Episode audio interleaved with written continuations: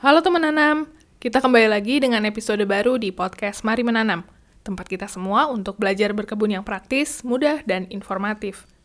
Aku Retno Ika, seorang pekebun rumahan sama sepertimu.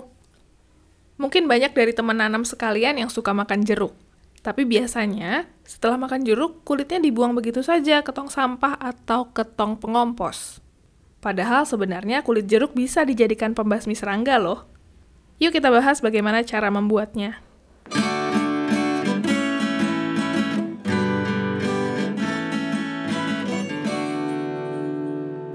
Untuk membuatnya, yang pertama, hilangkan bagian putih yang ada di dalam bagian kulit jeruk. Jadi biasanya kulit jeruk itu kan kalau di luarnya entah warnanya hijau atau orange atau kuning, tapi di bagian dalamnya warnanya putih dan kasar dan tidak mengkilat. Nah, bagian yang putihnya itu dikuliti tipis-tipis, dibuang, karena itu memang nggak kepake. Cara membuangnya bisa dengan diparut atau disayat tipis-tipis menggunakan pisau kecil. Bisa juga pakai sendok. Dan setelah cukup bersih, kemudian kulit jeruk dipotong-potong sekitar 1 cm kali 1 cm.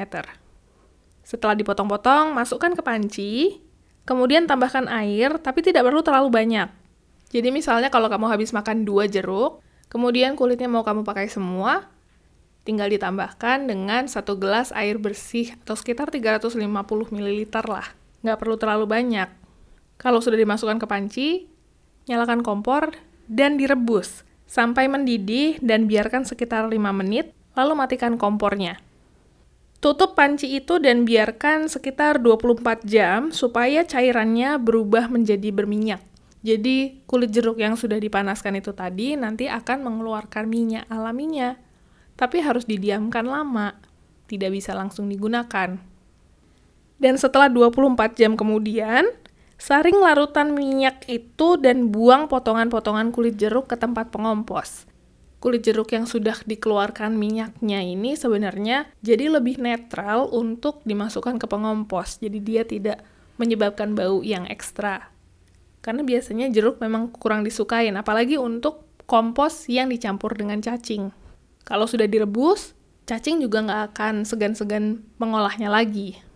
Nah, larutan yang sudah disaring tadi bisa langsung diaplikasikan ke hama serangga yang hinggap di tanamanmu, atau bisa juga disemprotkan ke sarang semut yang mungkin ada di sekitar rumahmu, atau di kebun. Larutan semprotan ini bisa digunakan ke kutu kebul, lalat putih, dan juga agas jamur.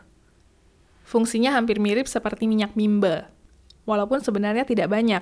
Tapi, kalau kamu ingin menggunakannya untuk membasmi semut, itu bisa karena semut tidak suka dengan jeruk. Yang perlu kamu tahu, kalau sebenarnya kamu tidak memiliki jeruk buah, kamu juga bisa pakai jeruk nipis atau jeruk lemon. Kalau aku juga biasanya pakai jeruk lemon, karena aku jarang makan buah jeruk.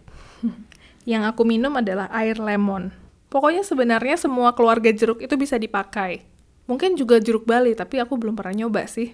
Karena gini, keluarga jeruk itu punya zat bernama dilimonene yang mampu membunuh hama serangga di kebun. Tapi kamu harus hati-hati terhadap minyak jeruk, karena ada beberapa orang yang kulitnya sensitif, sehingga kalau kena minyak kulit jeruk itu jadi iritasi.